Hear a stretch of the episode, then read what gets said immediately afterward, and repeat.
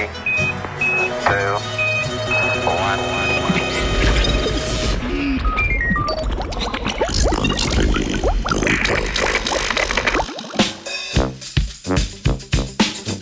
Vrsta skrita v vrsti.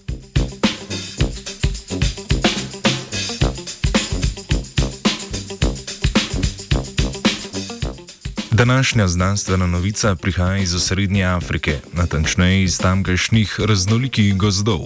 Belgijsko-afriška raziskovalna skupina je z genetsko analizo afriških dreves iz rodu Lofira odkrila novo vrsto, ki se je skrivala v vrsti, predhodno znani pod imenom Lofira alata.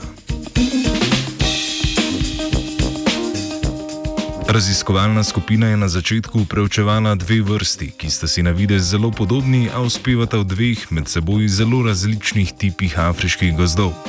Prva vrsta z imenom Lofira lanceolata uspeva v suhih gozdovih in savanah, ki se raztezajo od severne Gvineje do južnega Sudana.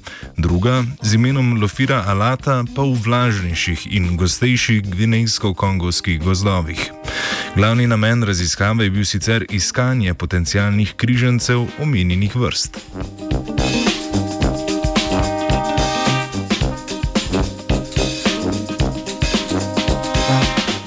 Raziskovalke in raziskovalce je po upravljenih analizah DNK 803 dreves vrst rodu Lofira čakalo presenečenje.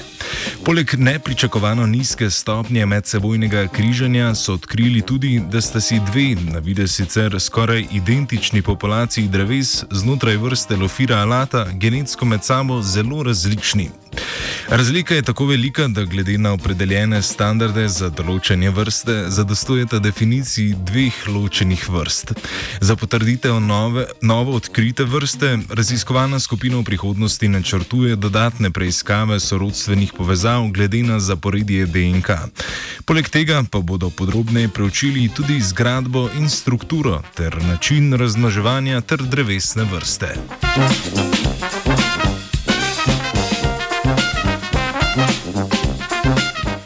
Do zdaj poznana drevesna vrsta Lofira alata sicer predstavlja za Srednjo Afriko ekonomsko pomemben vir lesa, saj ima široko uporabo pri gradni številnih zonalnih konstrukcij, naprimer mostov, pristanišč in železnic.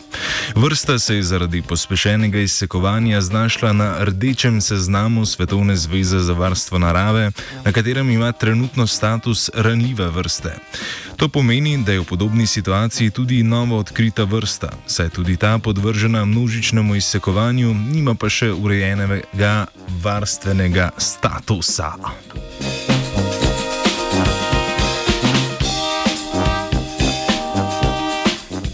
Afriški gozdovi so sicer znani po veliki biodiverziteti in tako po vsej verjetnosti skrivajo še mnogo neopisanih drevesnih vrst.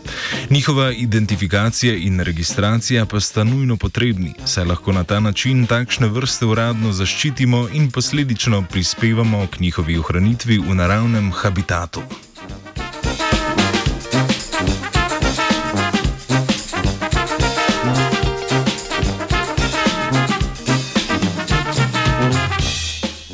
Gozni z Britov je spisala Laura.